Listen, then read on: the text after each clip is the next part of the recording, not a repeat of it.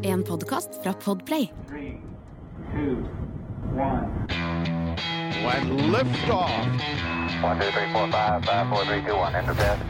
Okay, we checked all four systems, and there you go on modulation, all four, and keying with a go. Quality base here. The Eagle has landed. Dine ørevenner er um, tilbake i øret ditt. Uh, hei, ørevenn Eirik. Hei, hei. Det er bra du bruker det uttrykket Ja. sånn, med jevne mellomrom, fordi det er ganske mange som har blitt ganske glad i det uttrykket, og har sendt deg sånn Hva var det? Det var et sånt produkt som hadde Ja, det var noe sånn eh, ørerens eh, Noe dansk ørerensprodukt. Jeg ja, ja, nemlig. ja, ja. Ja. Noe et eller annet sånt. Da. Ja. Men de ekte ørevennene det er eh, oss i Romkapsel. Hyggelig at du hører på. Tusen hjertelig takk for det. Eh, fortell venner om eh, oss, så, så kan vi bli enda mer populære. Så kan vi bli sånn at det går til hodet på oss, og, og bli eh, virkelig sånn primadonnate og, Primadonna. fulle av nykker. Det og ha sånne eh, ra raidere med lange sånn krav. Ja, ja, Mm, sånn eh, Bare kokostvist. Ja, bare kokostvist eller eh, M&M uten eh, de brune oppi. sånn skal det bli. Vi skal alltid lete etter et bedre liv. Eh, men i eh, denne omgangen så er det leting etter liv det er snakk om, for det var en slags lissepasning til meg selv der. Eh, Fiffig overgang var det jeg forsøkte på. Eh, som sånn gammel radiomann. Eh, men vi skal jo da selvfølgelig eh, snakke om Ja, altså vi har jo snakka om Mars. Vi har snakket ganske mye om Mars. Vi har snakket ganske mye om altså det som er en av mine kjepphester, dette her med hvor, det, hvor folk av og til sier sånn ah, nei, romforskere tar ikke livet i universet på alvor. Og jeg da liksom må påpeke at ja, men de bruker milliarder på det. Eh, og dette er faktisk nok et sånt milliardprosjekt. Jeg tror ikke egentlig vi har nevnt det direkte. Nei, det Vi har har vært- eh, sant? Vi har vært innom temaet noen ganger. ja. Men nå er det konkretisert, og grunnen til at vi tar det opp nå, det er at NASA nå har bygd selve skroget på, på romsonden, og er i ferd med å, å, å begynne å teste ut og få på plass alle instrumentene. Og til og med funnet seg en oppskytingsdato. Så nå begynner det å bli Oi, de har det også, ja. For det, det som er gøy Altså, med det lille jeg vet, så ikke sant det, Alle som hører Romkapsel, vet dette. At uh, den som vet noe her, det er jo Det er, det er du. Eh, jeg eh, vet eh, litt, og så lar jeg meg fascinere, i likhet med alle våre ørevenner. Ja. Men det som er det gøye, virkelig gøye med dette her, er jo at kandidaten vi på en måte skal til nå, er kanskje den som er den høyest rangerte hva gjelder mulighet for å finne en eller annen form for liv, da. Ja, det er det. Har man i hvert fall antatt. Ja, og da veit jo mange av lytterne at, lytterne at vi snakker om uh, Jupiters måne Europa. Og det er jo så gøy, det også, for det, eh, Europa er jo der uh, monolitten kommer fra, er det ikke det? I eh, 2001? Ja, 2001, ja. Helt Ja. riktig. Eller i, sn- sn- snarere i I 2010. 2010, ja. ja, ja. Oppfølgeren, den egentlig overraskende ganske ok oppfølgeren. Ja, jeg liker den. Jeg liker den. Ja, ja, ja, den er fin, den. Ja. Ja, det er helt riktig. Vi skal tilbake dit igjen, og vi har vært innom det noen ganger. Og det er fordi at det er som du sier, mange forskere har håp om at det under, under isen på Europa så kan det, kan det finnes et hav. Altså, dette er bare for å ta det i tilfelle man ikke veit det. Eh, Jupiter, kjempeplaneten i solsystemet, um, den har 80 måneder nå. Det er stadig flere. Eh, fire av dem er ganske svære. Europa er en av disse fire. Eh, Io, Callisto og Ganymedes er de tre andre. Og Europa er ca. 90% av størrelsen til vår måne, så den er relativt svær. Men i motsetning til vår måne, som er dekket av krater og mørke og lyse eh, flekker og har fjell og, og dype daler og sånne ting, så er Europa har en overraskende glatt overflate og nesten ingen kratre. Er det ikke også eh, på Europa at eh, det utspiller seg noen scener i Bare sånn for å ødelegge dagen for deg. Ja, ja, ja, Interstellar her. Ja. Det er, også, er ikke det på Europa? Jo, jeg lurer på om ikke det er det. Altså, og det er ikke så rart at vi er litt opptatt av den, for det at overflaten er så glatt, det skyldes at den er dekket av is, og at det, er liksom, at det er så få kratre, har jo fått folk til å tro Det er jo ikke fordi det ikke, at ikke Europa treffes, for det gjør det jo. Og ting som er i nærheten av Europa, har masse kratre. Så det man tror, er jo at når en svær ting slår ned på overflaten til Europa, så går det gjennom en isskorpe, faller ned i havet, og så veller det vann opp, Ja, som som fyller igjen krateret. Og så blir det, ikke sant, så, så, så blir det borte. Det bare sluker ting. Det bare sluker ting, Ikke sant? Akkurat det. Og, og hva er det havet, ikke sant? It's the Um, great Sarlak. Det- det- og så er da det store spørsmålet har det vært Ja, men hvordan i all verden Altså, du har en iskald måne langt fra sola. Eh, hvordan i all verden kan det være et, et ja, altså Ikke et varmt hav, da, men et hav som helt klart er over null grader. Eh, som er flytende. Hvordan kan du ha det under isen på noe som er, som er så kaldt på overflaten?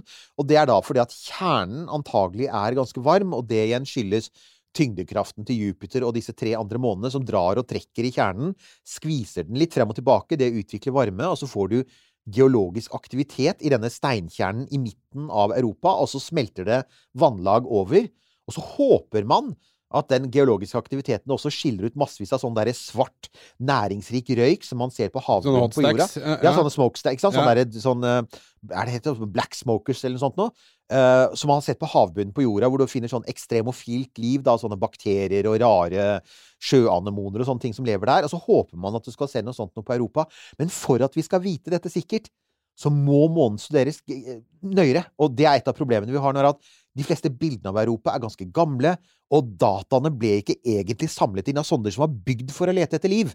Uh, Galileo-sonden, som ble sendt til Jupiter for mange mange år siden, den tok noen fine bilder, men den var ikke skrudd sammen for å se på Europa og helt spesifikt se etter det vi tror kan bevise at det fins et hav og kanskje liv der. Ja, og, ja, men skal man da Da tenker jeg at eh, da er det jo måte Overflaten er jo beg, altså, i denne sammenheng da av begrensa interesse. Det er det som Ja. er under, som er interessant. Yep. Og altså eh, Europa eh, Skal man da lande der, og skal man bore ned under isen? Mm. Det høres jo veldig komplisert ut. Veldig spennende, for all del, men sjukt komplisert, da. Ja, du har helt rett. Er en veldig komplisert ferd. Planen er etter hvert å sende noe som skal lande på overflaten til Europa, smelte seg gjennom isen og kanskje sende ut en liten ubåt under isen. Men før vi kan gjøre det, så må den undersøkes nærmere. Så oh, ja, dette her er på en måte ferden før det. Ja. Og den heter Den kalles for Europa Clipper. Europa klipper, ja. Europa Clipper, og den skal altså da Den Høres ut som en veldig rask seilbåt. Ikke sant? Men det er litt det, da. Og den, den er da eh, Den er uh, for lengst vedtatt og budsjettert. Den har fått fem milliarder dollar. Igjen, det er mye penger vi bruker på dette her. Uh, den er under bygging nå. Den skal sendes opp med en Falcon Heavy i oktober 2024. Ok. Eh, og da vil den og Så skal den da få litt drahjelp fra planetene i det indre solsystemet for å få fart nok til å komme seg til Jupiter. Og så ankommer den med Jupiter rundt 2030, så det er en del år til vi får data fra den. Og, og opprinnelig så var planen at den skulle gå inn i bane rundt Europa, og, altså, altså rett og slett kretse rundt Europa og bare ta masse nærbilder. Problemet er strålingen, som vi har snakket om. Da vi, på en av sendingene våre med Sunniva så var vi innom hvor sjukt kraftig strålingen er på overflaten til Europa.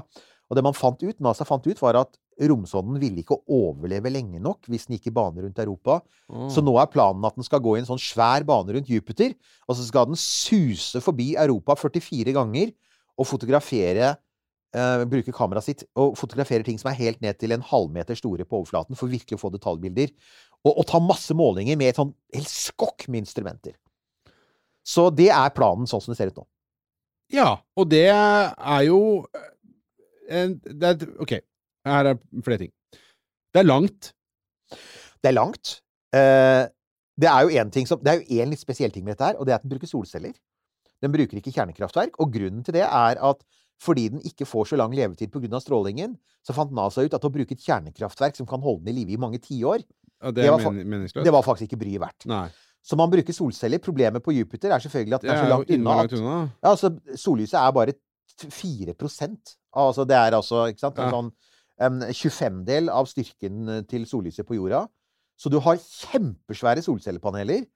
Og de blir jo selvfølgelig også ødelagt av strålingen, men det er billigere og enklere å bruke solceller i akkurat denne situasjonen enn det er å bruke et kjernekraftverk. Ok, så her er det Dette er en sonde som drar ut på selvmordsoppdrag.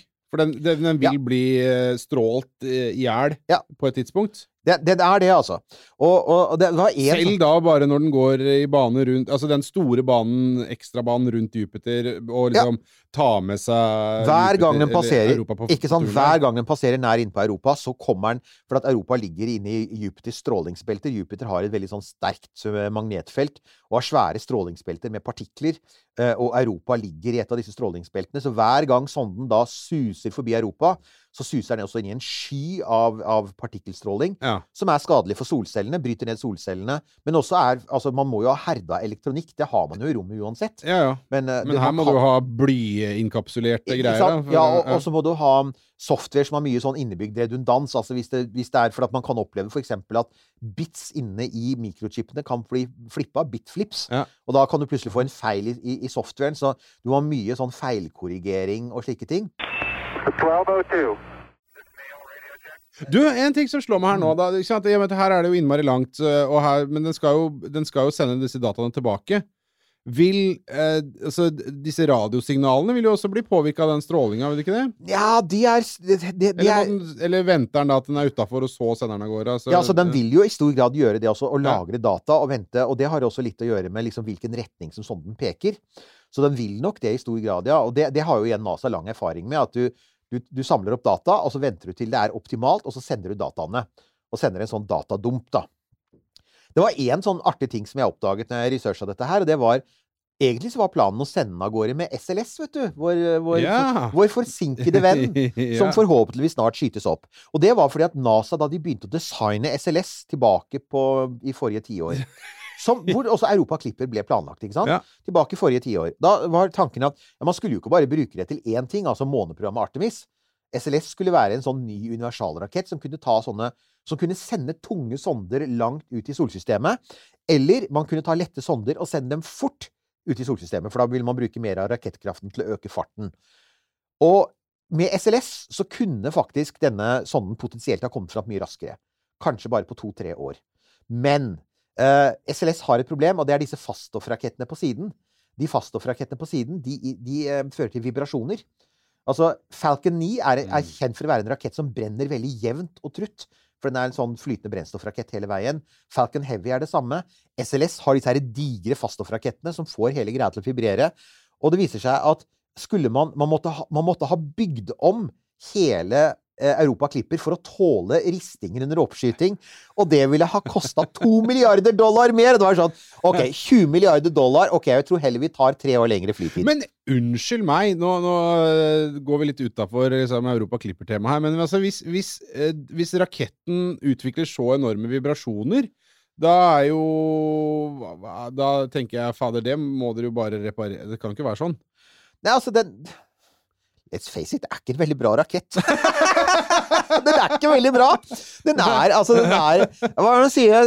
Vi har vel sagt det før her også, ikke sant? En, en kamel er en hest designet av en komité, ikke sant? Altså, den er sånn. Og så måtte de slenge på en pukkel. Og så måtte du ha med den biten der, for at det var en delstat som han kongressrepresentanten Ja. kommer fra, ikke sant? Senate Launch System. Og så videre, ikke sant? Der har du det. Så, så det er jo da Falcon 9 er et veldig godt eksempel på hva som skjer når du har én designfilosofi, et designteam, som bare får lov til å jobbe med å lage det beste mulige produktet, uten å tenke på liksom, det politiske og hvor det er bygd og sånne ting. Ja. Og det er jo det man håper på med Starship også, selvfølgelig, når det skytes opp, at man ikke har tatt hensyn til alle disse her tingene som, som NASA gjør. Mm. Så Nei, altså, det denne sonden skal gjøre, da, Ja. er den skal svare på fire spørsmål. Og det ene er For det første, er vi sikre på at det er et hav under isskorpa? Vi tror det, Ja. men vi er ikke 100% sikre. Og det er fordi at alt vi har gjort, er å ta bilder av overflaten. Så den må altså faktisk kunne se gjennom overflaten med en radar, og det Ja. skal den gjøre. Det andre er, hvis man ser gjennom overflaten, er det mulig å måle hvor dypt havet er? Ja. Det tredje er, har dette havet en kjemi, en kjemisk sammensetning, som gjør at det kan tenkes at det fins mikroorganismer der? Altså at, at det ikke er noen kjemiske stoffer i det som sier ok, dette går ikke, at havet er et syrebad eller sånt. og Vi tror jo ikke det, men man må, man må gjøre det. Og det fjerde, det er dette med denne skorpa på overflaten til Europa, hvis det er sånn at det er en sånn tynn isskorpe over et hav. Altså, hvordan fungerer den? Hvor aktiv er den? Eh, er det geysirer som skyter opp eh, sånn skyer med, med damp og støv?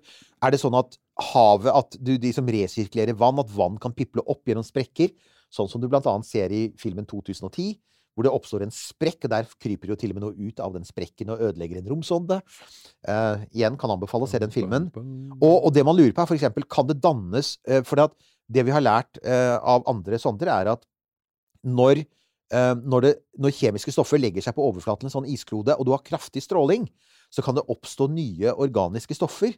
Eh, blant annet en type stoffer som heter toliner, og det er de som da gjør sånne, sånne objekter i det ytre solsystemet oransje. Eh, Kan det være mat for mikroorganismer? Kan du ha et innmari rart økosystem hvor livet både varmes fra undersiden av disse her merkelige varme kildene fra kjernen, men i tillegg får mat fra strålingsgenererte stoffer på over... Ikke sant? Et helt alien økosystem er det det vi ser på. Det skal denne her romsonden forsøke å besvare.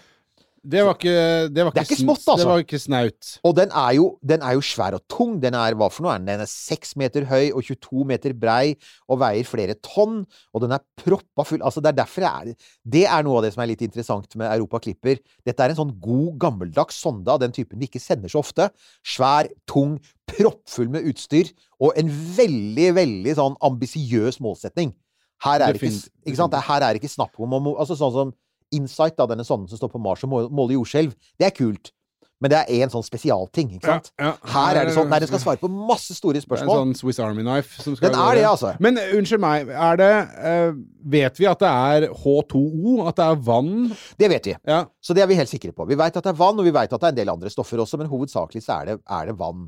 Uh, det man lurer på, for eksempel, det er em, eh, Altså igjen, hvor eh, eh, Er det områder på denne månen som er varmere og kjøligere? Og det Man har jo ikke egentlig sett ordentlig på den i detalj med, med et infrarødt kamera. Nei, har den? Golfstrøm, liksom? Ikke sant? Ja. Og det er da altså et av de viktige så Et av mange instrumenter er rett og slett et infrarødt kamera som skal lete etter eh, hotspots på overflaten. Ja. Og det er også for å forklare, for man har faktisk blant annet med Hubble-teleskopet sett at um, det, det av og til stiger skyer opp fra overflaten som tyder på at det er geologisk aktivitet og geysir-aktive utbrudd på overflaten.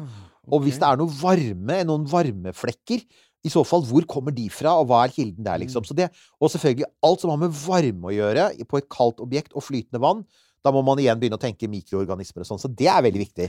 Men øh, jeg har hørt, og det er jo en sånn ting som uh, vi hører uh, hver gang nesten vi snakker med Sunniva Rose om stråling, Ja. så er det det at vann er en veldig god Uh, isolasjon, et et godt isolasjonsmateriale mot uh, radioaktiv stråling. Ja. Og så slår det meg da, når man skal måle ting, så sender man jo ned signaler. Mm. Uh, som ikke bare skal gjennom vann, men de skal jo også gjennom is. Ja. Ser du hvor jeg vil? Altså, her er det, for meg, da, for mitt eh, ustuderte hode, eh, noen åpenbare utfordringer. Det er det. Og derfor, det er derfor man sier også at sikker kunnskap om mye av dette får vi ikke før vi faktisk smelter oss gjennom isen. Nei. Men vi kan gjøre ganske mye indirekte. Ved å se på sånne hotspots, for eksempel, så kan man se på tykkelsen av isen. eh, Og man kan finne områder hvor kanskje isen er så tynn at det er mulig å se ned i vannet. Ikke sant? Ja. Det kan tenkes. Vi vet ikke. Eh, Du Det er jo veldig dyr longshot, dette her. Det er, Veldig eh, ambisiøs longshot. Velkommen til Romkapsel. din din podkast om veldig dyre prosjekter som ofte ikke lykkes. det er sant. Uh, Nå, og- nå sponset av Statsbygg. Nei. Ja, det sier. Ja, så vi, man, man, det er derfor man har dette. Altså, for å kompensere for at man da ikke kan eh, lande der ennå og sende den der eh, ubåten ned, så, så har man da dette batteriet, da. Av alt man, man liksom har hevet alt inn i dette som man kan tenke seg av ulike typer instrumenter som kan observere det på avstand. Så for eksempel, du har altså infrarødt kamera, du har et spektrometer som kan måle kjemisk sammensetning av stoffene. Det er selvfølgelig for å finne sånn organisk materiale på overflaten. Uh, og, det, og der er det sånn man tenker indirekte igjen. For eksempel, hvor salt er isen på overflaten til Europa? Det sier selvfølgelig noe om saltholdigheten til, til havet under. Mm. Det er jo igjen Vi veit jo ikke, for at eh, altså, vann i verdensrommet, is i verdensrommet, er normalt, inneholder normalt ikke salt. Men fins det noen salter som er som, og, og, og igjen, er det saltvann? Er det ferskvann? Det er viktig.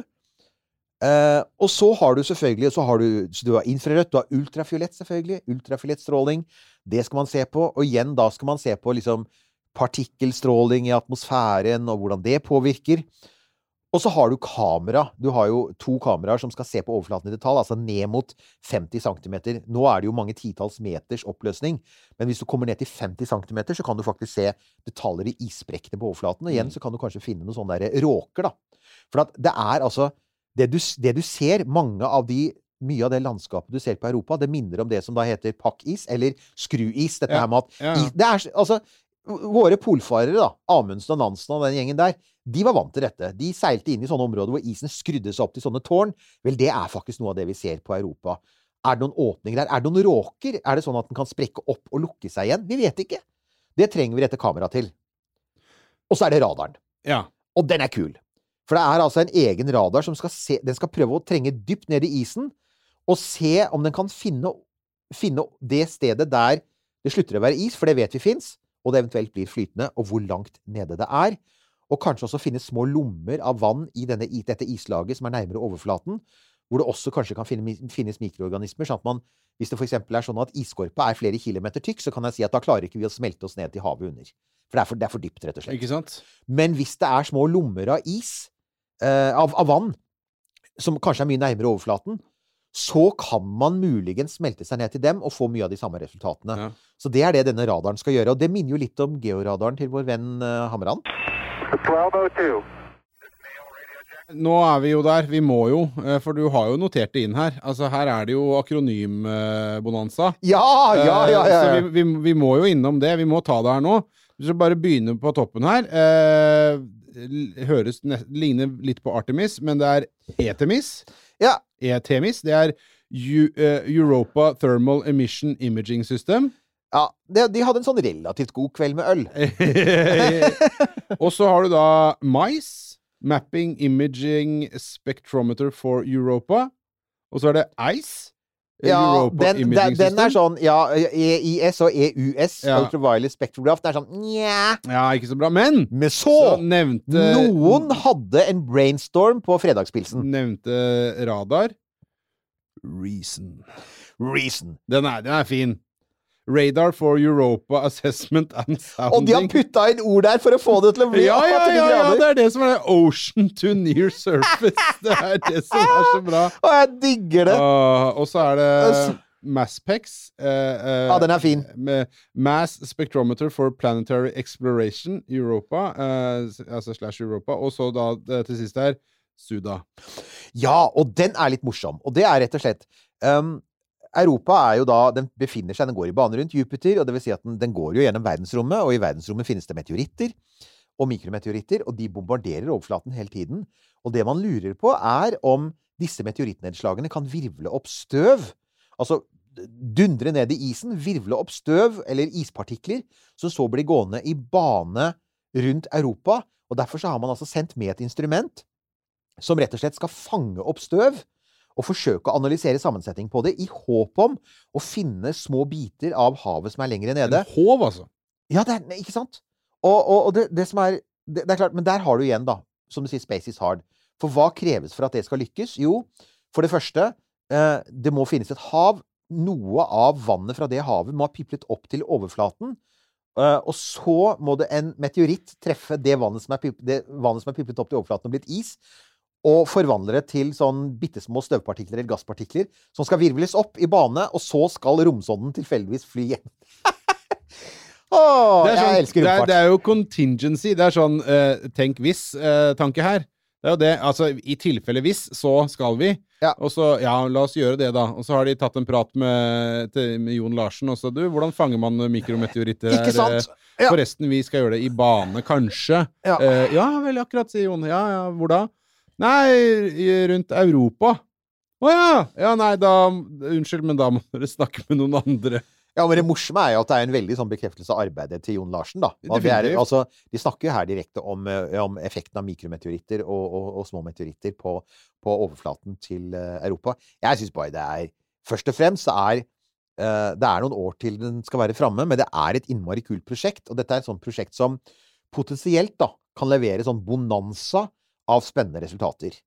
Det kan hende, altså vi skal ikke se bort fra det, at det kan hende at den kommer fram, og så bare sier de, nei, det er is hele veien inn, ikke sant? Det kan hende. Game over. Ja, ja, ja, ok. Ja, ikke sant? For at det, Mm. men, men Ja, du har jo sagt det, men så har jeg bare glidd forbi det og tenkt at ja øh, Men, men altså eh, Hele tida så har jo jeg trodd at man visste at det var hav under isen på Europa, men, men altså det du sier, er at det er jo helt åpent. Det er ikke helt åpent. Man regner det som ganske sannsynlig, men man må ha en endelig bekreftelse. Ja. For det er jo indirekte observasjoner hele tiden. Man har denne overflaten som ser ut som om den har et hav under pga.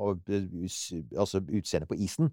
Men det er jo først når man får radarmålingene, at man kan faktisk se den overgangen mellom fast is og flytende vann. Uh, og det er også disse sånn støvpartikkelmålingene, hvor man eventuelt kan finne saltvann i bane rundt. Altså finner man salte partikler i bane rundt eh, Europa, så er det et godt tegn på at det er et, ikke sant? At det er, at det er et hav. Og så er det jo eh, men, men det er klart Det er veldig sånn typisk astronomi og romfart med at det er veldig mye indirekte. Mm. Det er, det sies at astronomi er ikke en veldig hands on vitenskap. Det handler veldig ofte om at du måler på noe på, som er veldig langt unna, og så må du gjette deg til hva som lagde det. For at du er jo ikke der. Det er en stjerne som ligger lysår unna, eller en planet som ligger en milliard kilometer unna.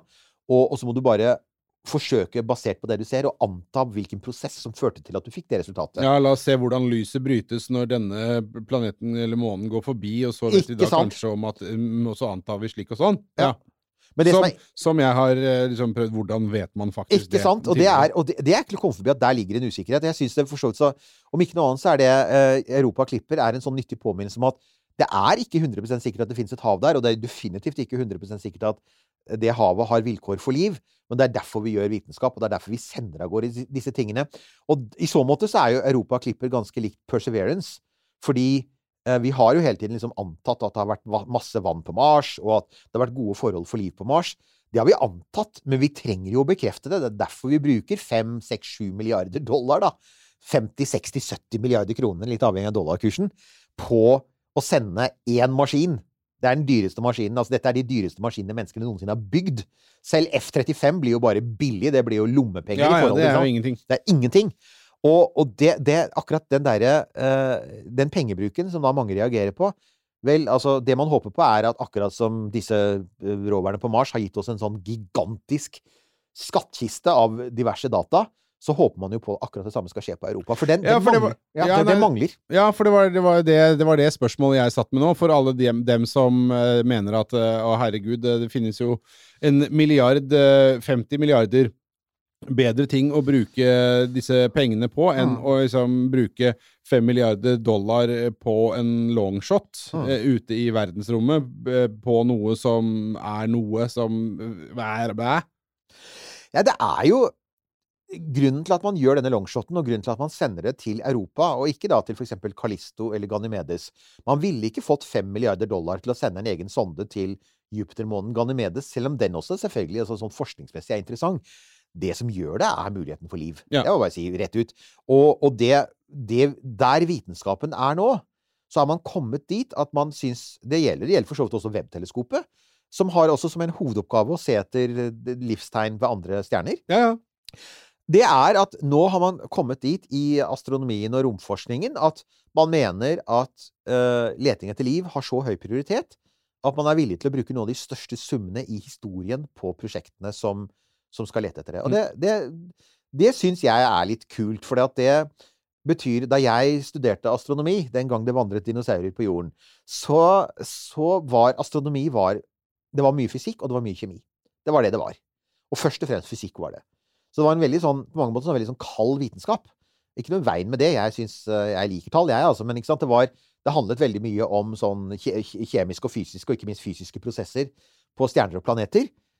Og det vi ser nå, er at astronomien beveger seg mye mer i retning av biologi. Mm. Det handler mye mer nå om ikke sant, beboelighet av stjer- planeter ved andre stjerner.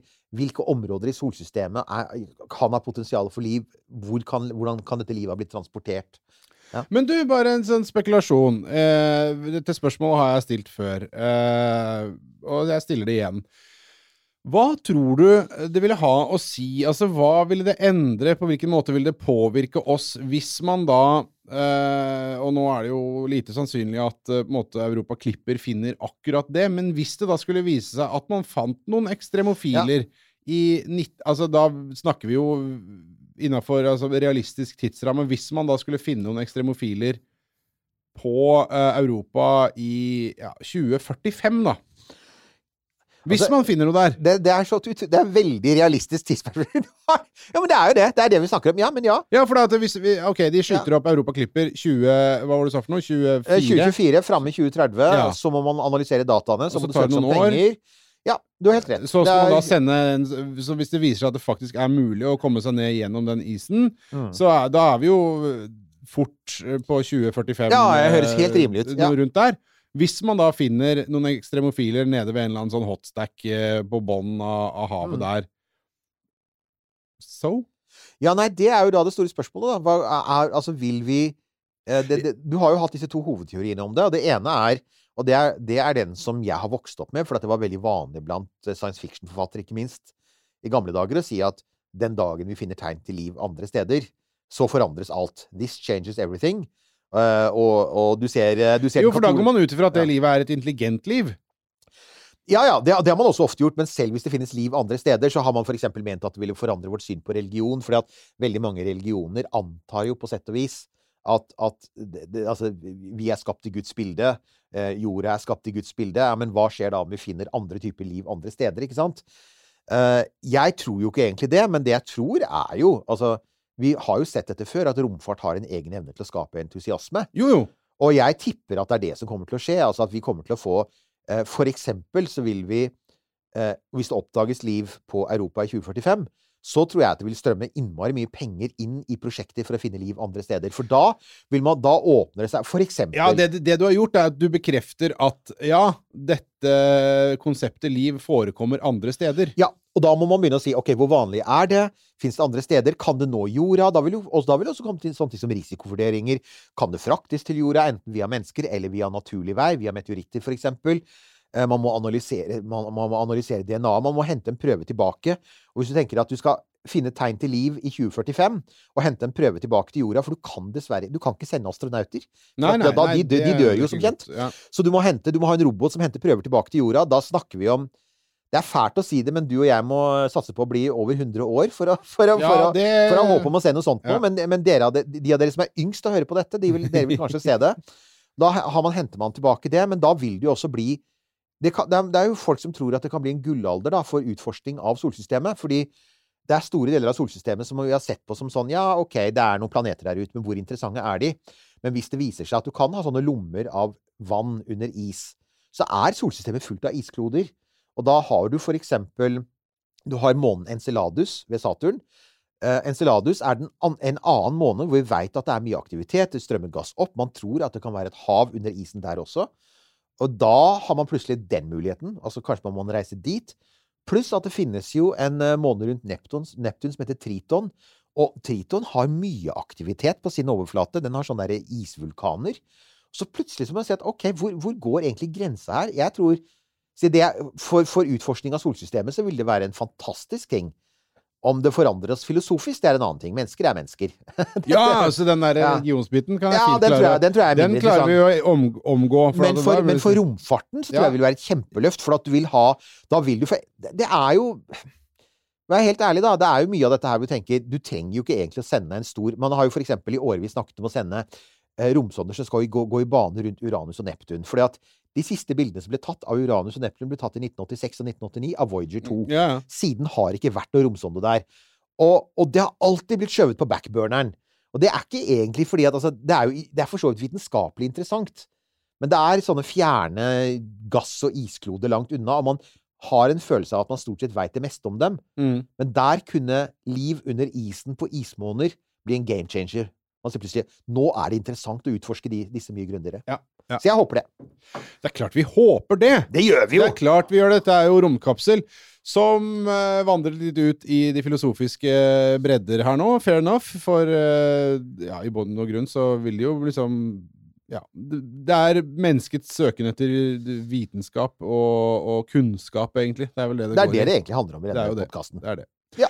Ok, vi sier det sånn eh, for eh, denne gangen. En eh, litt sånn kjapp episode denne uka, men vi Vi kommer sterkt tilbake med veldig lange samtaler med om alt mulig mellom himmel og Nei, ikke mellom himmel og jord, men over, over himmel. himmel. og over jord og videre utover over himmel. Der var vi. Ja, sånn. Eh, romkapsel.no for T-skjorter, kopper og nå også sånne tote bags, har jeg lært at det heter. Eh, Fiffige, som du kan bruke til å handle, putte dagligvarene dine i, og oppføre deg på en eh, miljøvennlig måte. Ikke bruke plastposer. Eh, og så, eh, kjære ørevenn, tusen takk for at du hørte på. Så høres vi neste, neste gang du trykker på play. Du har hørt en podkast fra Podplay. En enklere måte å høre podkast på. Last ned appen Podplay, eller se podplay.no.